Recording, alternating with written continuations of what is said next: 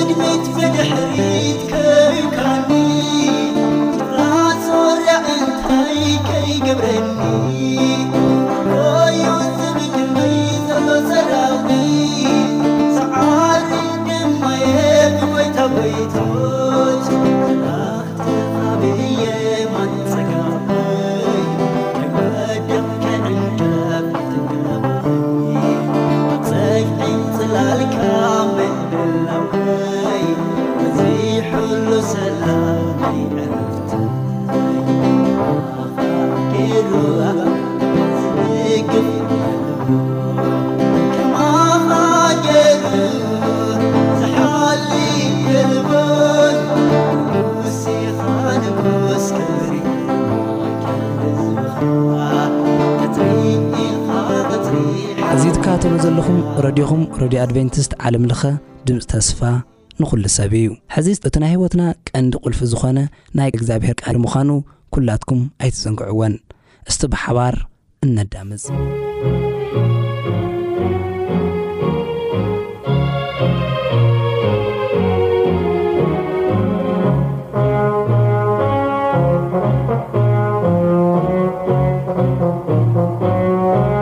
ሕራይ ክቡራት ተኸታተልትና! ጸሎት ጌርና መደብና ክንጅምር ኢና ሕፅር ዝበለ ጸሎት ንገብር ኣብ ቀረብ ብርሃን ትነብር ኣቦ ብርሃናት ብብርሃንካ ከዓ ብርሃን ክንርኢ መማዓልቲ ናባኻ ትስሕበና ዘለኻ ኣምላኽና ዓብዪ ኣምላኽ ንጉስ ነገስት ጎይታ ጎይቶት ኣምላኽ ኣማልክቲ ንስኻ በይንኻ ፈጣሪ ኣብ ምድሪ ንዘሎ ይኹን ኣብ ሰማይ ዘሎ ኣብ ዩኒቨርስ ኩሉ እግዚኣብሔር ኣምላኽ ስልጣን ዘለካ ኣምላኽ ክብሪ ምስጋና ንኣኻ ይኹን ጎይታ ነመስገነካ ተመስገን ፍቕርኻ ዓብ እዩ ስራሕኻ ሓያል እዩ ግብርታትካ እግዚኣብሔር ኣምላኽ መስተንክር እዩ እዚ ኢኻ ኣይትበሃልን እስኻ ብህይወት ዘለና ብኣኻ እዩ እዚ ከዓ ካብ ተኣምራት ኩሉ ተኣምር ዝኾነ ነገር እዩ እሞ ብህይወት ክንፀንሕ ጥዕናና ክህሎ ምውጻእ ምእታና እግዚኣብሔር ኣምላክ ሰላም ክኸውን ዝገበርካ ኣምላኽ ነመስግነካ ኣምላኸይ ከምቲ ልኣና ዝገበርካዩ ኸዓ ሰላም ንዝሰኣኑ ጭንቀት ኣብ ወጥሪ ንዘለው እግዚኣብሔር ኣምላኸይ ብእውነት ነገራት ንዝኸበዶም ኩሉ ኣምላኸይ በጺሕኻ ክተቐልል ንጽሊ ኣለና ሰማዕትና እግዚኣብሔር ኣምላኸይ ብቢ ዘለዎ ኣንጎሎ ኩርናዓት ዓለም እግዚኣብሔር ኣምላኸይ ቅዱስ መንፈስካ ኣብ ልዕሊኦም ክኸውን ንሰምዖ ደበለ ከኣ እግዚኣብሔር ኣምላኽ ናብ ቅድስና ናብ ናትካ ቤት ዝመርሐና ክኸውን ንዝል ንልምን በቲ ዝሞተልና ተንስኡ ብዝኸደ ተመሊሱ መጺኡ ከኣ ብዝወስደና ብወድኻ ብመድሃን ኣለም ብኢየሱስ ክርስቶስ ኣቢልና ንጽሊ ኣሜን ሰላም ኣምላኽ ምሳኹም ይኹን ዝኸበርኩም ተኸታተልቲ መደባትና ብብዘለኹሞ እግዚኣብሔር ጸጋ ለውሃት ፍቅሩ ምሕረቱ ምሳኹም ክኸውን ኣብዚ ካብ ስቱድዮ ጸሎትናን ትምኒትና ምዃኑ ንገልጽ ሰላምኩም ከዓ ይብዛ ሎማዓንቲ ኩሎም ይጭድሩ ኩሎም ይጭድሩ ብዝብል ሓሳብ ኩሎም ይጽውኡ ማለት እዩ መጸዋዕታ ያቕርቡ ብዝብል ሓሳብ ብሓባር ኮይና ክንርኢና ሓደ ንባብ ከነንብብ ኢና እዚ ንባብ እዚ ዝርከብ ኣብ መዝሙር ሚእትን ኣርባዕተን ዕስራን ሓደን ዘሎ ነንብብ ኢና ማለት እዩ ሽደናት ኣንበሳ ንምዝራፍ ይጓዝሙ ቀለቦም ከዓ ካብ ኣምላኽ ይደልዩ ይብል ሽደናት ኣንበሳ ንምዝራፍ ይጓዝሙ ቀለቦም ከዓ ካብ ኣምላኽ ይደልዩ ይብል ማለት እዩ ኣንበሳ እንግዲህ ጓዘመ ማለት ጨደረ ድምፁ ኣው ኣቢሉ ኣውፀአ ማለት እዩ ኣንበሳ ምግቢ ክደሊ ከሎ ናብ ኣምላኹ ከም ዝጓዝም እዩ ኣብዚ ቦታ እዚ ዝነግረና ማለት እዩ እንታይ ይብል ሽደናት ኣንበሳ ንምዝራፍ ይጓዝሙ ቀለቦም ከዓ ካብ ኣምላኽ ይብል ማለት እዩ ስለዚ ምጭዳር ወይ ከዓ ኣእውያት ወይ ከዓ ምጉዛም ብተለምዶሲ ኣብ መንጎ ፍጥረታት ዝተለመደ እዩ እቲ ዝተለመደ ድምፂ ከዓ ብዙሕ ዓይነት እዩ ብዙሕ ዓይነት እዩ ንኡ ከዓ ብዙሕ ዓይነት ትርጉም ከም ዘለዎ ንርኢ ማለት እዩ ገለገለ ከዓ ትርጉም ዘይብሎም ኣብያት ጭዳሮታት ኣለው ማለት እዩ ገለገለ ግዜ ኣብ መንጎ ሰብ ዝግበር ምጭዳር ኣሎ ንኣብነት ሓደ ሰብ ብሓጎሱ እንታይ ይገብር ይጭድር፣ ኣብ ሓዘን ይጭድር፣ ኣብ ዓብዪ ዲፕሬሽን ወይ ከዓ ጭንቀት ክኣቲ ከሎ ይጭድር እዩ። ስለዚ ዝትርጎም ኣሎ ዘይትርጎም ከዓ ናይ ጭደራ ዓይነት ኣሎ ማለት እዩ። ሕዚ ከዓ ህይወት ብዘይብሉ ግኡዝ ብዝኾነ ፍጥረት ማእኸል እውን ኣእውያት ኣሎ ማለት እዩና እዚ ከዓ ብተፈጥሮ ብመለኮት ብእግዚኣብሔር ዝተዋህበ ኣእውያት ከም ዝኾነ ንርኢ። ኣብ ካሊእ ከዓ ኣውያት እዚ ካብ በዓሎም ዝወፅኡ ክኸውን ይኽእሉ ዩ ንኣብነት እዚ ማያት ይጭድሩ እዮም ባሕሪ ሕዚ ድምፂ ያስምዕ እዩ ሓያል ድምፂ ማዕበል ክመፅእ ከሎ ሓያል ድምፂ ያስምዕ እዩ ነፋሳት ኔዎም እዩ ድምፂ ኔዎም እዩ ስለዚ ብኡስ ፍጥረታት እኳ ናይ በዕሎም ዝኾነ ድምፂ የውፁ እዮም ስለዚ ዝኾነ ይኹን ዝኾነ ይኹን ዓይነት እውያት ወይ ከዓ ጭደራ ማለት እዩ ኣብ ኣእዛን እግዚኣብሄር ትርጉም ኣለዉ ማለት እዩ እግዚኣብሄር ዘይፈልጦ ዓይነት ኣውያት የለን ወይ ከዓ እግዚኣብሄር ዘይፈልጦ ዓይነት ጭደራ የለን ዝብል ሓደ ንህዚ ኢና ስለዚ እዞም ሽደናት ኣንበሳ ከዓ እንታይ ይገብሩ ይብለና ውዚ ንምዝራፍ ወይ ከዓ ምግቦም ንምርካብ እንታይ ይገብሩ የጓዝሙ ካብኡ እቲ ቀለቦም ከዓ መን እዩ ዘዳሊ እግዚኣብሄሩ ይብል ማለት እዩ ስለዚ ኣንበሳ እኳስ እንስሳ ዘገዳም ኮይኑ ከሎ ኣብ ገዳም ኮይኑ ግን እንታይ ይገብር ይጭድር ማለት እዩ የእዊ ይጓዝም ድሓረ እቲ ዘእዊ እቲ ዝጭድር ዘሎ ናብ መን እዩ ናብ ኣምላኹ እዩ ይገርመኩም እግዚኣብሄር ፍጥረታት ከምዚ ገይሩ እዩ ዝፈጢሩ ስለዚ ዝጓዝም ናብ መን እዩ ናብ ኣምላኹ ከም ዝኾነ ንርኢ እዚ ኣንበሳ እዚ ክጓዝም ከሎ ናይ ዕለት እንጀራ ይሃበኒ ኢሉ እዩ ሉጋዝም ዘሎ ካብኡ እግዚኣብሄር ከዓ እቲ ድምፂ ኣንበሳ ይሰምዕ እሞ እንታይ ይገብር ይብለና ቀለብ ከዓ ካብ ኣምላኽ ኣምላኽ ከም ለዳሉ ይነግረና ካብ ኣምላኽ እዮም ዝደልዩ እቲ ጭደረኦም እቲ ኣእያቶም እቲ ምጉዛሞም ዝጓዝሙ ዘለዉ ንምንታይ እዩ ምግብና ሃበና ይብሉ ማለት እዩ ናብ ኣምላኾም እዮም ልእውዩ ዘለዉ ማለት እዩና ናይ ዒለት እንጀራና ሃበና ይብል እሞ ኣንበሳስ ንኣምላኽ ከምኡ ገይሩ እዳር ኣውያት እንድሕር ኣቕሪቡ ወይ ከዓ ኣንበሳ ናብ ኣምላኹ ከምኡ ገይሩ እዳር ዕለት እንጀራ ይሃበኒ ኢሉ ዝጓዝም እንተኾይኑ ወዲ ሰብ ከዓ ከመይ ገይሩ ዩ ኣብሊፁ ኣብሊፁ ኣብሊፁ ናብ ኣምላኽ ዘእዊ ኣብ መረሮ ዘለው ዱግ እንታይ ገሩ ይብል ናብ ኣምላኾም እዮም ንሳቶም ለእው ዩ ምግቦም ክዳልየሎም ማለት እዩ እግዚኣብሄርካ እንታይገብረሎም ኣብ ምድረበዳ እንታይገብር ምግቢ ኣዳልየላ ይብለና ቃል ኣምላኽ ኣብ ካሊእ ቦታ እውን ማለት እዩ ኣብ መዝሙር ሕዚ እውን ሚእትን ኣርባዓን ሓሙሽተን ፍቕዲ ዓስርተ ሓሙሽተ ከ ኢድና ክንሪኢ ከለና ናይ ኩሎም ኣዒንቲ ንኣኻ ተስፋ ይገብሩ ይብለና እስቲ ካ ኢድና ነንብቦ መዝሙር ሚእትን ኣርባዓን ሓሙሽተን ፍቕዲ ዓስርተ ሓሙሽተ ከምዚ ይብል ኣዒንቲ ኩሎም ንኣኻ ይፅበያ ንስኻ እውን ብግዜኦም ምግቦም ትህቦም ይብል ፍጥረት ኩሉ ፍጥረት ኩሉ ንመን እዩ ዝፅበይ ንኣምላኽ እዩ የዕንቲ ኩሎም ንኣኻ ይፅበያ ይብል ኣዚ ማለት እዩ የዕንቲ ኩሎም ንኣኻ ይፅበያ ንስኻ እውን ብግዜኡ ምግቦም እንታይ ትገብሮም ትህቦም ይብለና ናይ ሰራዊት ቅዱስ እግዚኣብሄር ናይ ኩሉ ፈጣሪ ስለ ዝኾነ እቲ ተስፋ ናቱ ህያው እዩ ሕያው ዘበለ ሕያው ዘበለ ፍጥረት ኩሉ ከዓ እንታይ ይገብር ኣዕንቱ ናብ ኣምላኹ የልእል ማለት እዩ ኣራዊት ኣብ ዱር ኮይኖም እንታይ ይገብሩ ኣዕዋፍ ኣብ ሰማይ ኮይኖም ሰብ ከዓ ኣብ ምድሪ ኣብ ምድሪ ዝርምስፈስ ለበለ ፍጥረት ኩሉ ኣብ ትሕቲ ሓመድ ዋላ ኣብ ትሕቲ ምድሪ ዘሎ ዋላ ይኹን ትሕቲ ሰማይ ዘሎ ኩሉ ይኹን ናበይ እዩ ዘእዊ ናበይ እዩ ዝጭድር ናበይ እዩ ዝጓዝም ናብ ኣምላኹ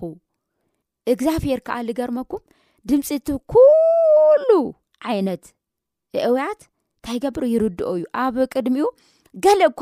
ዘይርዳእ ነገር የለን ማለት እዩ ስለዚ ክብራት ደቂ እግዚኣብሄር ኣብዚ ቦታ እዚ ክንርኢ ከለና ናይ ነፍስና ኣእውያት ናይ ነፍስና ጭደራ ናበ እዩ ፍጥረታት ኩሎም ዘእውዩ ናበ እዩ ናብ ፈጣሪኦም እዮም እሞ ከዓስ ወዲ ሰብ ብምስሉ ብኣምሳሉ ዝፈጠሮ ንኣምላኽ ምስሊ ዝኾነ ንኣምላኽ ወኪል ዝኾነ ኣብዚ ምድሪ ናብ እዩ ኣውያትና ናብ ነገስታት ምድሪ ዲና ነእዊ ናብ ሓያላን ዲና ነእዊ ይኽእሉልና እዮም እዚኦም ሰባት እዚኦም ክገብሩና እዮም ናብ ንብሎም ዲና ነእዊ ናበይ ኢና ይገርመኩም እዩ ፍጥረታት ኩሎም መዓልታዊ እንጀርኦም ንክረክቡ መዓልታዊ ምግቦም ንክረክቡ ናበይ እዮም ዘእው ይብለና ናብ ኣምላኮም ከመይ ዝገርም ቃል እዩ እግዚኣብሄር ኣብ ምድሪ ዘለዉ ኩሎም ኣራዊት ይኹን ኣብ ሰማይ ዘለዉ ዓዋፍ ይኹን ህያው ነብሲ ዘለዉ ኩሎም ኣብ ምድሪ ዝንቀሳቀሱ ኩሎም እቲ ኣብ ምድሪ ዝበቁል ዘሎካ መልማል ዋላ ኩሉ መን እዩ ዝፈጠሮ እግዚኣብሔር ይብለና ዘፍጥረት ሓደ ፍቅዲ ሰላሳ ማለት እዩ ስለዚ ሕድሕድ ፍጡር እንታይ ገብር ናብ ኣምላኽ እዩ ዝእውይ ዘሎ ሰብ ከዓ ካብቲ ፍጥረት ኩሉ ልላዓሊ ገዛኢ ገበሮ እግዚኣብሔር ካብ መላእክቲ ትሕት ኣቢሉ ፈጠሮ ኣብ ፍጥረት ኩሉ ከዓ ግዛእ ኢሉ ሓይሊ ከም ዝሃቦ ንርኢ እሞ ናብ መን እዩ ተስፋ ንገብር እሞ ናበይና ንእውይ ኣንጊና ተሲእናሲ ዕንትና ናበ እየን እስቲኤ ገለ ዶ ክሕግዘኒ ይኹን እስቲኤ ገለ ክሓልፈለይ ዶ ይኹን እናበልና ናብ ሰብ ዲና ንገብር ወይስ ናብ እግዚኣብሄር ኢና ዕንትና ነብል ሎማዓንቲ እዚ እዩ እቲ ቃል ኣምላኽ ዘብለና ማለት እዩ ንኣምላኹ ክፅውእ እዩ ተፈጢሩ ኣብ ኣምላኹ ተስፋ ክገብር እዩ ተፈጢሩ ኣብ ኣምላኹ ክድገፍ እዩ ተፈጢሩ ብከምኡ ገይሩ እዩ እግዚኣብሄር ከዓ ሰሪሕዎ ስለዚ ናይ ነፍስና ኣእውያት ናበይ እዩ? እዚ ኣዚና ክንሓስበሉ ዝግበእና ሓሳብ ከም ዝኾነ ንርኢ። ኣብ ትንቢት ኤርምያስ ከይድና ክንርኢ ከለና ትንቢት ኤርምያስ ሰላሳን ሰለስተን ፍቕዲ ሰለስተ ከምዚ ይብለና ጸውዓኒ እሞ ክምልሰልካ ዘይትፈልጦ ዓብይን ስውርን ነገር ከዓ ክነግረካ እየ ይብል ማለት ናባይ ተዛረብ ይብል ኣብ ካልእ ትርጉም ማለት እዩ ጸውዓኒ ድምፅኻ ኣስምዐኒ ካብኡ ታይ ገብር እየ ኣነ ታይ ገሩ እየ ኣነ ክምልሰልካ እየ ዘይትፈልጦ ዓብይን ስውርን ነገር እንታይ ገብር እየ ክነግረካ እየ ይብለና ማለት እዩ ስለዚ ክብራ ተኸታተልትና ሎሚ ናይ ነብስና ኣውያት ናበ እዩ ናብቲ ዝፈጠረና ናብቲ ናባይ ኣባይ ተደገፉ ተስፋኹም ኣነ ናብ ዝበለና ንኣምላኽና ድዩ ናበ ኢና ንእውይ ዘለና ስለዚ ናብ እግዚኣብሔር ኣዒንትና ምግባር እቲ ኣምላኽ ካብ መለኮት ንኣና ካብ ልሃበና ተግባራት እቲ ሓደ እዩ ማለት እዩ ሰብ ብምስሉ ገይሩ ብኣምሳሉ ብመልክዑ ገይሩ ክፈጥር ከሉ እግዚኣብሔር ሰብ ናቱ ምስሊ ክካፈል ክገብር ከሎ ሙሉእ ብምሉእ ደገፉ ንኣኡ ክገብር ገይሩ እዩ ዝሰርሐና ማለት እዩ ስለዚ ኣብ ትንቢት እሳያስ ሓሳን ሸሞንተን ሓደ ዘሎ እዩ ሎማዓንቲ መልእክትና ማለት እዩ ናይ ሎማዓንቲ መልእክትና እዚ እዩ እሳያስ ትንቢት እሳያስ ሓሳን ሸሞንተን ፍቅዲ ሓደ ከምዚ ይብል ኣፍካ መልእኻ ጨድር ኣይተቋርፅ ድምፅኻ ከም መለኸት ኣው ኣብል ንህዝበይ ኣበሰኦም ንቤት ያቆብ ድማ ሓጢኣቶም ንገሮም ይብል ዓፍካ መሊኻ ጨድር ኣይተቋርጽ ድምጽኻ ከም መለኸት ዓዋብል ንህዝበይ ኣበስኦም ንቤት ያቆብ ድማ ሓጢኣቶም ንገሮም እቲ ዓብዪ ሓጢኣት እቲ ዓብዪ በደል እቲ እግዚኣብሔር ምስ እግዚኣብሔር ፅልኢ ዝኾነ ነገር እንታይ እዩ ሰብ ኣምላኹ ገዲፉ ኣብ ካሊእ ነገር ክእመን ከሎ እዩ ምስ እግዚኣብሔር ፅልኢ ዝኾነ ነገር ይገብሩ ኣለው ይብል እግዚኣብሔር ክንድገፎ እናክኣልና ክንድገፎ እናክኣልና ክንእመኖ እናኸኣልና፣ ተስፋና ኹሉ ኣብኡ ክንገድፍ እናኸኣልና፣ ሎሚ ኣእውያትና ናበይ እዩ ዘሎ? ርኣዩናማ። ፍጥረታት እግዚኣብሄር ዝፈጠሮም፣ ንወዲ ሰብ ኢሎም ዝገበሮም ኩሉ ናብ ሰብ ኣይኾነ፣ ኣእውያቶም ናብ ሰብ ኣይኾነን። ምግበይ ኣዳልወለይ ደርሆ ለይቲ ክንውቂ ከሎ ኣንጊሕኻለይ፣ ምግበይ ከዓ ዕለታዊ እንጀራይ ኣዳልወለይ ይብሎ ኣሎ ንኣምላኹ ማለት እዩ። እተን ኣእዋፍ ለይቲ ተስኤን ጩቕጩቕጩቕጩቕ ክብላ ከለዋ እንታይ ይብላ ኣለዋ ተመስገን ብርሃን ኣርእኻኒ ምግበይ ከዓ እታይ ግበር ኣዳልወለይ ናዒለት እንጀራይ ሃበኒ እዮም ዝብሉ ዘሎ ስለዚ እንስሳት እሞ ንኣምላኾም ክንዲዚ ተፈሊጦም ኣናኻ ክንዳየና ኢና ንኣምላኽና ተፀጊእና ዘለና እሞስ ናበይ እዩ እቲ ፀሎትና ናበይ እዩ እቲ ምህለላና ናበይ እዩ እቲ ትፅዊትና ነዚ እግዚኣብሔር ኣምላኽ ሎሚ ይነግረና ማለት እዩ ስለዚ ሓጢኣት ህዝበይ ተዛረብ ይብል በደል ህዝበይ ተዛረብ ይብል ኣብ ትንቢት ኢሳያስ ምዕራፍ ሓደ ፍቕዲ ሰለስተ ከምዚ ይብል ብዕራይ ንዋንኡ ኣድጊ ድማ ንበብልዕ ማል ጎይትኡ ይፈልጦ እስራኤል ግና ሓንቲ እኳ ኣይፈልጥን ህዝበይ እውን ኣየስተዑልን እዩ ይብል ክደግሞ እዩ ብዕራይ ንዋንኡ ኣድጊ ድማ ንመብልዕ ማል ጎይትኡ ይፈልጦ እስራኤል ግና ሓንቲ እኳ ኣይፈልጥን ህዝበይ እውን ኣያስተዑልን ይብለና እግዚኣብሔር ምስትውዓልና ይምልሰልና። ኣብዚ ቦታ እዚ እንስሳት ዋናኦም ይፈልጡ እዮም፣ ድምፆም ያስምዑ እዮም። በቲ እግዚኣብሔር ዝሃቦም ድምፂ ገይሮም ከዓ ንኣምላኾም ያምልኽዎ እዮም፣ ይሓትዎ እዮም፣ ይድገፍዎ እዮም። ናብ ኣምላኾም እዩ እቲ ኣእውያቶም እቲ ድምፆም ንኣምላኾም እዮም ልገብሩ ማለት እዩ። እግዚኣብሔር ግን ናታቶም ለሎ ኩሉ ነገር ርእዩ ብሓይልን ብጥበብን ብምስትውዓልን ገይሩ ናብኦም ናብ ባዕሉ ከም ዝመልሶም ኣብዚ ቦታ እዚ ንርኢ ማለት እዩ ስለዚ ናባይ ጨድር ይብል ሎሚ ሓጢኣት ዝኾነና ነገር ሎሚ በደል ዝኾነና ነገር ሎሚ ምትሕላፍ ዝኾነና ነገር እንታይ እዩ ልክዕ ሓውዘም ትፃፈ ብዕራይ ዋንኡ ይፈልጥ እዩ ኣርጊ ድማ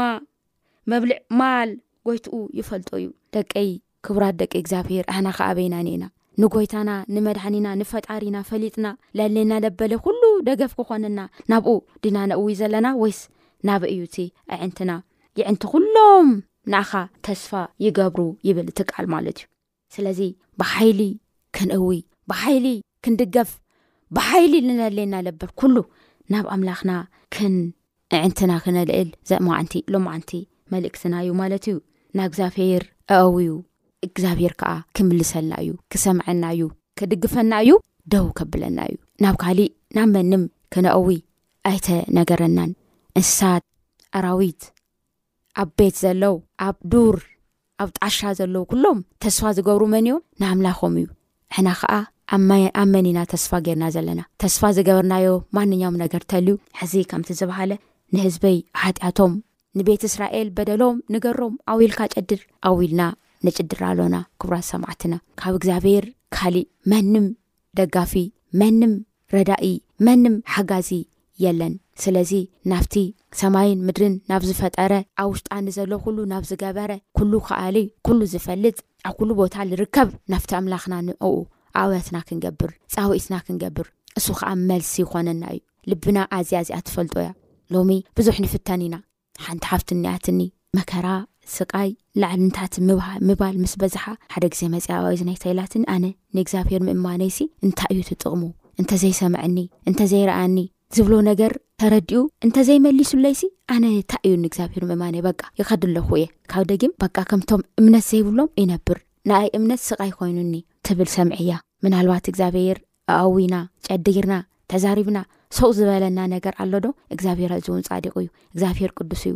ካብ ገፅካ ናበኢና ንኸይድ ኢሉ ጴጥሮስ ካብ ገፂ እግዚኣብሄር ምኻድ ትርፉ ሞትን ቀበዝበዝን እዩ ካሊእ ምንም ኣይኮነን ንኡ ምፅባይ ግን ትዕግስቲ ምግባር ግን ዓብዪ በረኸትን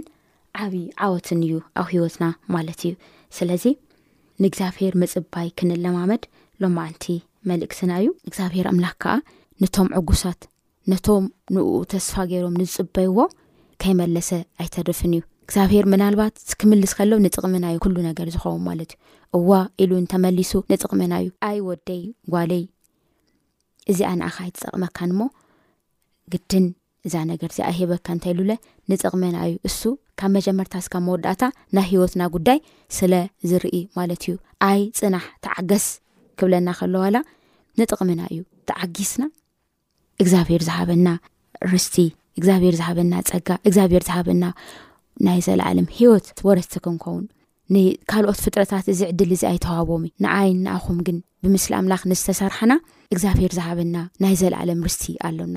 ዝተፈለየ ቤት ኣሎና ናብቲ ቤት እሱ እናማዕቆብና እናረኣና ኣብ ቅድሚ ኣምላኽ ብሓይልን ብረድኤትን ብጸጋን ክንመላለስ ፍቓድ ኣምላኽ ይኹን ኣብ ዝቕጽል ብካልእ ክንራኸብ ኢና ክሳብ ሽዑ እግዚኣብሄር ኣምላኽ ምስ ኩላትና ይኹን ሰላምና ብቢ ዘለዎ ዝበዝሐ ክኸውን ጸሎትናን ትምኒትናን እዩ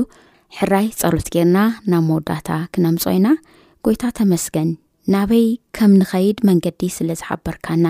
ኣእውያትና እግዚኣብሔር ኣምላኽ ናባኻ ክንገብር ጥራይ ስለ ዝነገርካና እሞ ኣምላኸይ ኣብ ዘሌና ነገር ለበለ ኩሉ ጎይታየ መዓረይ ልብና ሓሳባትና ኣእምሮና ኩሉ ናባኻ ክኸውን ኣምላኸይ ሰብ እንተሓጊዙ ሰብ እንተረድኡ ንዝተወሰኑ መዓልትታት እዩ ካብኡ ስልቼካ እዩ ይድብሬካ እዩ ናትካ መደጋኣፍ ግን ኣምላኸይ 24 ሰዓት ክፉት እዩ ኣውያት ተቕረብና ተጨደርና እግዚኣብሔር ኣምላኸ እንተ በኺና ኩሉ እንተ ገበርና ዓቢ በዘለናዩ ርኢኻ መልሲ ትኾነና ኣምላኸና ኣምላኽና ኢኻ እሞ ተመስገን ስለ ዘይሓደግካና ስለ ዘይገደፍካና ካብ ሰባት ዝኾነ ነገር እግዚኣብሔር ኣምላኽ ገዲፎምና ይፈልጡ እዮም ሓዲጎምና ይፈልጡ እዮም ኣምላኸይ ግን ኣይተፈለኻናን ኣብ ጭንቀትና ጨኒቑካ ኣብ ፀበባና ፀቢቡካ እግዚኣብሔር ኩሉ ተሕልፈና ትድግፈና ትመርሐና ኣምላኽና ኢኻ እሞ ተስፋና ኣበኻ ጥራይ ክንገብር ርድኣና እግዚኣብሔር ኣምላኸይ ነዚ መደብ እዚ ዝከታተሉ ዘሎ ኩሎም ደቅኻ ኣብ ብቢ ዘለዎ ኩርናዓት ኣለም እግዚኣብሔር ኣምላኽ ኣብ ዘድልዮም ዘበለ ኩሉ ብወድኻ ብክርስቶስ የሱስ ኣቢልካ ክትመልአሎም ንልምን ተመስገን ስለ ኩሉ ኣሜን